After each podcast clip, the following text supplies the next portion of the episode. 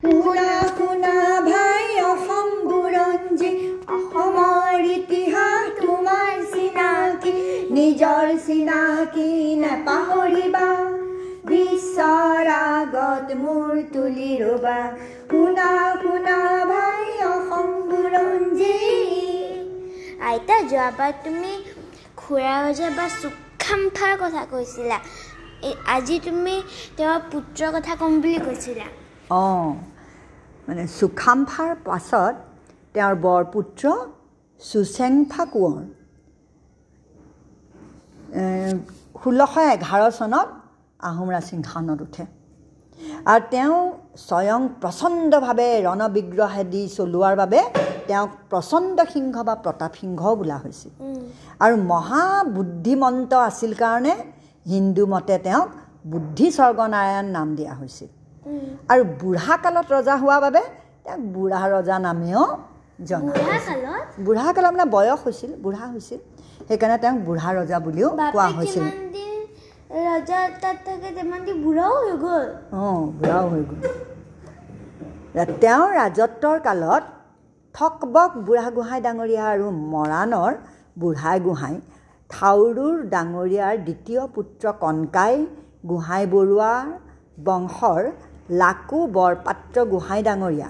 এই দুজন নহয় এজন হৈছে কণকাই গোহাঁই বৰুৱা আৰু এজন হৈছে বৰপাত্ৰ লাকু বৰপাত্ৰ গোহাঁই ডাঙৰীয়া।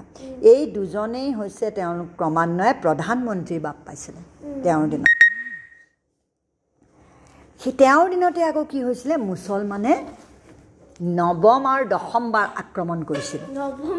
ন তাৰমানে মুছলমানে আমাৰ ইয়াত মোগলে ওঠৰ বাৰ আক্ৰমণ কৰিছিল। তিন টাইমছ ওঠৰ বাৰ আক্ৰমণ কৰিও কিন্তু মোগলে অসমখন ল'ব পৰা নাছিল। এতিয়া তেওঁৰ দিনত কি হ'ল? নৱম আৰু দশমবাৰ আক্ৰমণ কৰিছিল। আৰু এই এই দুই আক্ৰমণত অঁ। এই দুই আক্ৰমণে কেনেকৈ কোচ ৰাজ্যত তোলপাৰ লগাইছিল? আৰু অসমীয়া সেনাই মুছলমানক যুদ্ধত ঘটাই কেনেকৈ কৰতোৱালৈকে ৰাজ্য বিস্তাৰ কৰি কোচ ৰজা বলিত নাৰায়ণক ধৰ্মনাৰায়ণ নাম দি আহোম ৰজাৰ কৰতলীয়া ৰজা পাতিছিল আৰু ভায়েক গজনাৰায়ণক বেলতলাৰ ৰজা পতা হৈছিল। তাৰ সবিশেষ বিবৃতি আমি কোচ ৰজাৰ ৰাজত্বৰ বিৱৰণৰ লগতে আমি ভালকৈ বহলাই ক'ম। তাৰমানে আমি সেই সময়ত কোচ ৰজাৰ বিষয়েও আমি পঢ়িব লাগিব ন? অকল আহোম ৰজাই নাছিলে। কোচ ৰজা জয়ন্তীয়া ৰজা এইবোৰো আছিলে ন? তেওঁলোকৰ কথাও আমি পঢ়িব লাগিব। আমি ক'ব লাগিব এইটো। তো সেই সময়ত কি হৈছিল? এই ৰাজ্যত মুছলমানৰ লগত ভালেমান যুদ্ধ বিগ্ৰহ হৈ শেষত ব্ৰহ্মপুত্ৰৰ উত্তৰে বৰনদী আৰু দক্ষিণে অসুৰৰ আলিকে আহোম আৰু মুছলমানৰ ৰাজ্যৰ মাজ সীমা পাতি সন্ধি স্থাপন কৰা হয়। আৰু ইয়াত বাজিও সত্ৰাজিতৰ অসম আক্ৰমণ তাৰ বাহিৰেও কিমান আহো তেওঁৰ দিনত কিমান আক্ৰমণ হৈছিল চোৱা? সত্ৰাজিতৰ নামৰ এজন ৰজাই আক্ৰমণ কৰিছিল। নিমিষা গজৰ যুদ্ধ হাজোৰ যুদ্ধ পাণ্ডুৰ যুদ্ধ আগিয়াঠুটিৰ যুদ্ধ শুৱালকুছিৰ যুদ্ধ কাজলীৰ যুদ্ধ ভৰলীৰ যুদ্ধ চামধৰাত যুদ্ধ এইবোৰ ৰণত আহোম মুছলমানৰ জয় পৰাজয়। এই চবতে আহোম মানে মুছলমানৰ লগত যুদ্ধ হৈছিল। এইবোৰ বেলেগ বেলেগ ঠাইত। বুজি পাইছা? আৰু ইয়াত ক'ৰবাত ক'ৰবাত জয় হৈছিল আৰু ক'ৰবাত ক'ৰবাত পৰাজয় হৈছিল। তাৰপিছতে আহিলে কছাৰীৰ লগত তেওঁৰ কি হৈছিলে? ৰণ হৈছিলে যুদ্ধ হৈছিলে। জয়ন্তীয়া ৰজা যশমানিকৰ জীয়েকক আহোম স্বৰ্গদেৱে বিয়া কৰোৱা প্ৰসংগত কছাৰী ৰজা প্ৰতাপ নাৰায়ণৰ লগত মনোবাদ উপস্থিত হয়। মনোমালিন্য হ'ল। হা? সেই সেই সময়ত কি হ'ল এখন কছাৰীৰ লগত ৰণ লাগিলে। সেই যে হেৰি কাৰ জীয়েকক বিয়া পাতিলে জয়ন্তীয়াৰ ৰজাৰ জীয়েকক বিয়া পতাৰ কাৰণে। ৰণত বৰগোহাঁই আৰু নাওবৈচা ফুকন পৰিল কছাৰী জিকিল। সেই ৰণত কোন জিকিলে? কছাৰী জিকিল। আৰু সেই কথাত সেই- সেই কথাত অতিকৈ কুপিত হৈ লাকু বৰপাত্ৰক ঘাই সেনাপতি পাতি ষোল্লশ ছয় খ্ৰীষ্টাব্দত স্বৰ্গদেউ চুচেংফাই কপিলী নৈয়েদি উজাই ৰহালৈ সৈন্য পঠাই দৈয়াং কপিলীমুখত এখন ঘোৰতৰ ৰণ পাতে। আৰু কছাৰীবিলাক ৰণত ঘাটি মাইবঙলৈ পলাই যায়। স্বৰ্গদেৱে ৰহাৰ ওচৰত কছাৰী ৰাজ্য দখল কৰি তাত সুন্দৰ মৰাণ বৰগোহাঁইক শাসনকৰ্তা পাতিলে। পিছে সুন্দৰ গোহাঁইৰ পুতেক সুন্দৰ গোহাঁইৰ পুতেক আশেক গোহাঁইৰ কু পৰামৰ্শত কাৰ্য শিথিলতা হোৱাত কছাৰীবিলাকৰ আকৌ গা উঠিল। কছাৰীয়ে ভীমদৰ্পক সেনাপতি লৈ আহোমক আকৌ আক্ৰমণ কৰিলে। সুন্দৰ গোহাঁই ৰণত পৰিল আৰু সেই সময়তে মুছলমানৰো আক্ৰমণৰ আগন্তুক জানি আহোম ৰজাই কছাৰী ৰজা প্ৰতাপ নাৰায়ণলৈ এগৰাকী আহোম গাভৰুক বিয়া দি তেওঁৰ সৈতে মিত্ৰতা কৰিলে। যে এতিয়া যদি তেওঁলোকৰ মাজত যুদ্ধ চলি থাকে আকৌ মুছলমান আহি যাব। কি হয়? ঘৰৰ যেতিয়া যুদ্ধ হয় তেতিয়াই বাহিৰৰ মানুহে কি হয়? আহি যায়। অঁ আহি যায় লাই পায় তাৰমানে। বুজি পাইছা? এতিয়া কোচ ৰজাৰ লগত সেইকাৰণে সম্বন্ধ পাতি দিলে। কছাৰী ৰজাৰ লগত সম্বন্ধ পাতিলে। তাৰপিছতে কছাৰী ৰণ যেতিয়া অন্তঃপুৰত মুছলমানৰ আক্ৰমণত সহায় পাবৰ আশাৰে ষোল্লশ আঠত্ৰিছ খ্ৰীষ্টাব্দত তেওঁ কি কৰিলে কোচ ৰজা পৰীক্ষিত নাৰায়ণে তেওঁৰ মংগলদৈ নামৰ নামেৰে জীয়েকক চুচেংফা স্বৰ্গদেউলৈ বিয়া দি মিত্ৰতা কৰিলে বুদ্ধি স্বৰ্গনাৰায়ণৰ ৰাজত্বতে আহোম ৰজাৰ নামত ৰজাৰ ৰূপ আৰু সোণৰ মোহৰ পোনপ্ৰথমতে সাঁচত মৰোৱা হয় তাৰমানে ৰজাৰ অঁ। আগৰ দিনত কি ৰাজকুমাৰীৰ লগতে অকল ৰাজকুমাৰ বিয়া পাতি- বিয়া সাধাৰণতে। অন্য তেনেকৈ পাতিছিলে কিন্তু সাধাৰণতে সেইটোৱে কৰে। তাৰপিছতে সেই সময়ত কি হৈছিল? ৰজাৰ ৰূপ মানে কি? ৰজাৰ মুখখন আমাৰ যেনেকৈ এতিয়া গা হেৰি গান্ধীজীৰ ফটোখন আছে হয় নহয়? টকাত। তেতিয়া একো তেনেকুৱা ধৰণৰ টকাৰ প্ৰচাৰ হোৱা নাছিলে নহয়। তেতিয়া সেই সময়তে ৰজাৰ নামত ৰজাৰ ৰূপ আৰু সোণৰ মোহৰ পোনপ্ৰথমতে সাঁচত বহুৱাই পেলাই একে সাঁচত মানে একে একে ধৰণৰ হ'বলৈ সাঁচ সাঁচত হেৰি বহুৱাই নহয়। সেই বহুৱাই পেলাই কি কৰিলে? পইচাৰ হেৰি কৰিছিলে প্ৰথমবাৰৰ কাৰণে। আৰু আহোম ৰজা আঠচুকীয়া সৌমাৰ দেশৰ অধিপতি আছিল। কাৰণে কি হয় ন? সাঁচ মানে এতিয়া মল্ড মল্ড বুলি কয় যে মল্ড এনেকৈ তোমাৰ তুমি যদি তুমি যে সেই এখন যে মুখা বনাইছিলা মল্ডটো বনাই লৈছিলা মাটি তাৰ ওপৰত তুমি হেৰি কৰে মল্ড বুলি কয় সেইটোক। বুজি পাইছা? সাঁচ অসমীয়াত কি বুলি কয়? সাঁচ সাঁচটো বনাই ল'লে এতিয়া তাৰ ওপৰত তুমি যিমান বাৰ কৰিবা কি হ'ব? একেধৰণৰ হ'ব। সেই মলটো যদি ভাঙি নেপেলাই একে ঠাইতে থৈ দিয়া তেতিয়াহ'লে তাৰ ওপৰত তুমি আকৌ যদি বনোৱা একেধৰণে বস্তুটো হ'ব নাই। সেইটোকে সাঁচ বুলি কয় তাৰমানে। এতিয়া কি হ'ল? এতিয়া ইয়াত বাজেও স্বৰ্গদেৱে নিজৰ বুদ্ধি আৰু পৰাক্ৰমৰ বলত নতুন বিষয়াদি পাতি আৰু ভালেমান লাগতিয়াল আলি গড় দৌল পুখুৰী আদি কৰাই সমাজ আৰু ৰাজ্যৰ অশেষ উন্নতি সাধি চিৰস্মৰণীয় কীৰ্তি ৰাখিলে। তলত তাৰ প্ৰধান প্ৰধান কেইটামান বিষয়ে চমুকৈ কোৱা হৈছে। মানে এই ৰজাৰ দিনত নতুন বিষয়া পাতিলে দৌল দেৱালয় এইবোৰ পাতি পেলাই তেওঁ বহুতো জনহিতকৰ কাম কৰিছিলে। এতিয়া মন্ত্ৰী হোৱা মন্ত্ৰীৰ কথা ইয়াত কোৱা নাই নহয় তোমাক কি কৈছে? যে তেওঁ সমাজৰ কাম কৰিছিলে। আৰু কি কি কাম কৰিছিলে সেই বিষয়ে মই এতিয়া ক'ম। নতুন বিষয়াও পাতিছিলে অঁ ঠিকেই কৈছা তুমি। এতিয়া আহোম কটকী স্বভাৱতে হাজো উম, আ, নহয় হোজা কাৰণে আহোম আহোম কটকীবোৰ কি হ'ল? হোজা কাৰণে বিদেশলৈ ৰাজ ৰজাৰ বাতৰি নিয়া অনাৰ সুচল কৰিবৰ অৰ্থে বামুণ কটকী পাতিবলৈ নিয়ম কৰা হ'ল। যে সকলোবোৰ কি হ'ল? মানুহ যেতিয়া এজনৰ মেছেঞ্জাৰ হয় তাৰমানে এজনৰ কথা অন্য এজনক কয়গৈ বাতৰি দিয়েগৈ সেই মানুহজন স্মাৰ্ট হ'ব লাগে। হয় নহয়? তেতিয়া তেতিয়া কি হ'ল? আগ আগৰ দিনত সেই মানুহবোৰ হোজা আছিলে মানে যি কয় ভালকৈ বুজি নাপায় তাৰমানে। অঁ আৰু একদম সৰল আছিলে। সেইকাৰণে কি তেওঁ কি কৰিলে যে বামুণৰ যিবোৰ মানুহ সেইখিনি অকণমান স্মাৰ্ট আছিলে অকণমান বুদ্ধিয়ক আছিলে। সেইকাৰণে তাৰ কটকী পাতিবলৈ নিয়ম কৰিলে। আৰু আৰু কি কৰিলে? সেই সময়তে নঙঠা বৰাগীৰ খেল বুলি নতুনকৈ এটা খেল পতা হয়। নীলগৰ আক্ৰমণৰ পৰা দেশ ৰক্ষা কৰিবৰ নিমিত্তে ষোল্লশ সোতৰ খ্ৰীষ্টাব্দৰ পৰা গুৱাহাটীত বৰফুকন নামেৰে শাসনকৰ্তা নিৰ্গাজিকৈ ৰখাৰ নিয়ম কৰা হয় যে গুৱাহাটীত বৰফুকনেই থাকিব সদায়। হা তেওঁ চাব তাৰমানে সেইখিনি। আৰু ৰাণী ৰজা প্ৰমুখে লুকি বনগয়া ছয়গয়া বগাই পান্তলীয়া বৰদুৱৰীয়া ভোলাগয়া আৰু মকৰাপুৰীয়া এই ন ঘৰক ৰজা পোৱালী নাম দিয়া হয়।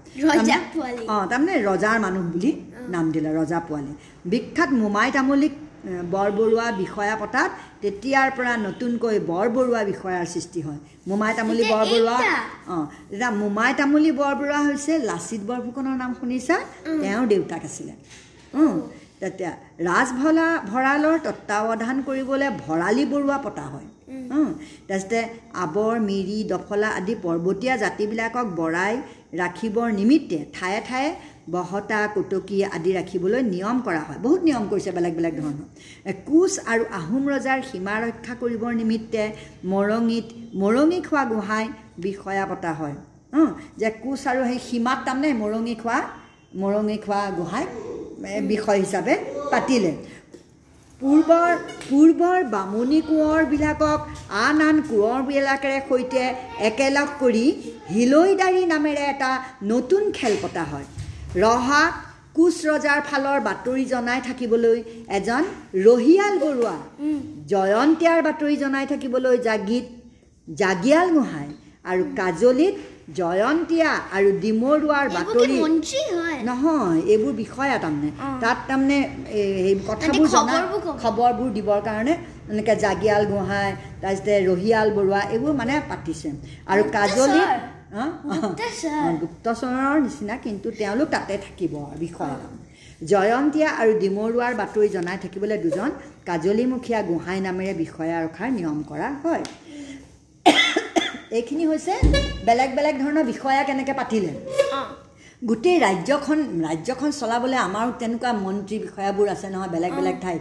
আকৌ এতিয়া ধৰা ভাৰতৰ যেনেকৈ ইমান ডাঙৰ দেশখন শাসন কৰিব নোৱাৰে কাৰণে বেলেগ বেলেগ ৰাজ্য আছে ন যেনেকৈ অসম এখন ৰাজ্য। বেলেগ অঁ, বেলেগ বেলেগ ষ্টেটত বেলেগ বেলেগ মন্ত্ৰী বেলেগ বেলেগ মুখ্যমন্ত্ৰী আছে ন।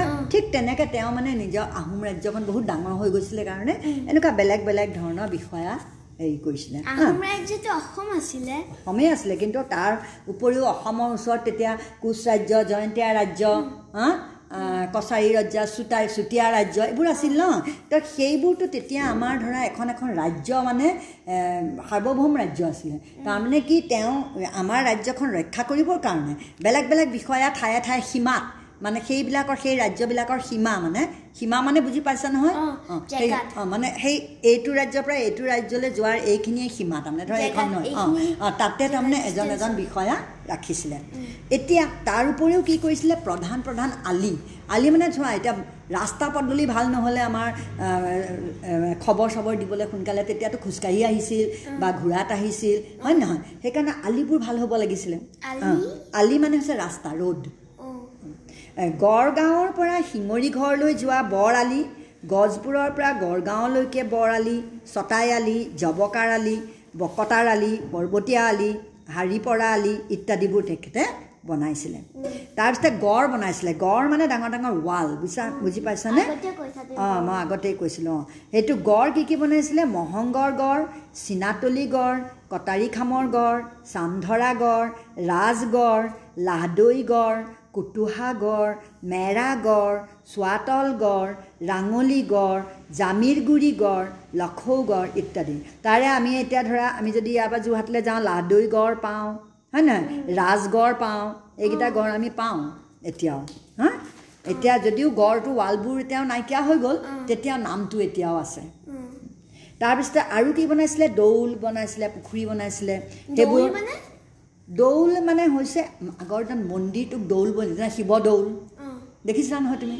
অঁ, অঁ। সেয়াই তে সেই দৌল বনাইছিলে। এতিয়া তেওঁ কি- কি পুখুৰী চোৱা? তাওকাকৰ পুখুৰী ৰূপহী পুখুৰী দেৰগাঁও দেৱালৰ দৌল দলৌগুৰি বাঁহৰ নুমলী বাঁহৰ ৰাঙলু বাঁহৰ তাওকাক নগৰ ৰূপহী নগৰ এইবোৰ তেওঁ তেওঁ বনাইছিলে।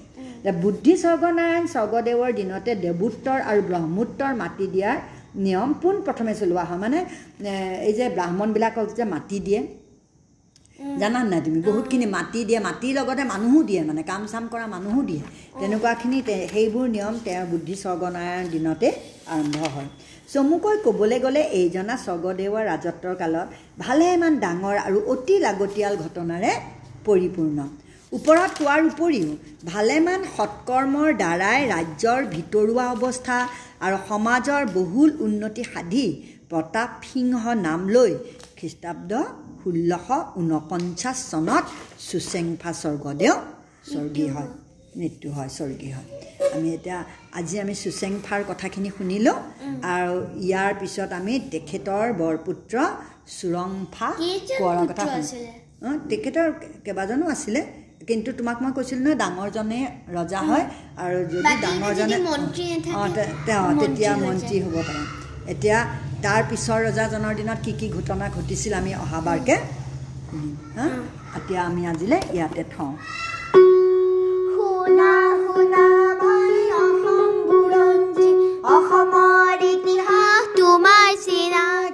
নিজৰ চিনাকি নেপাহৰিবা।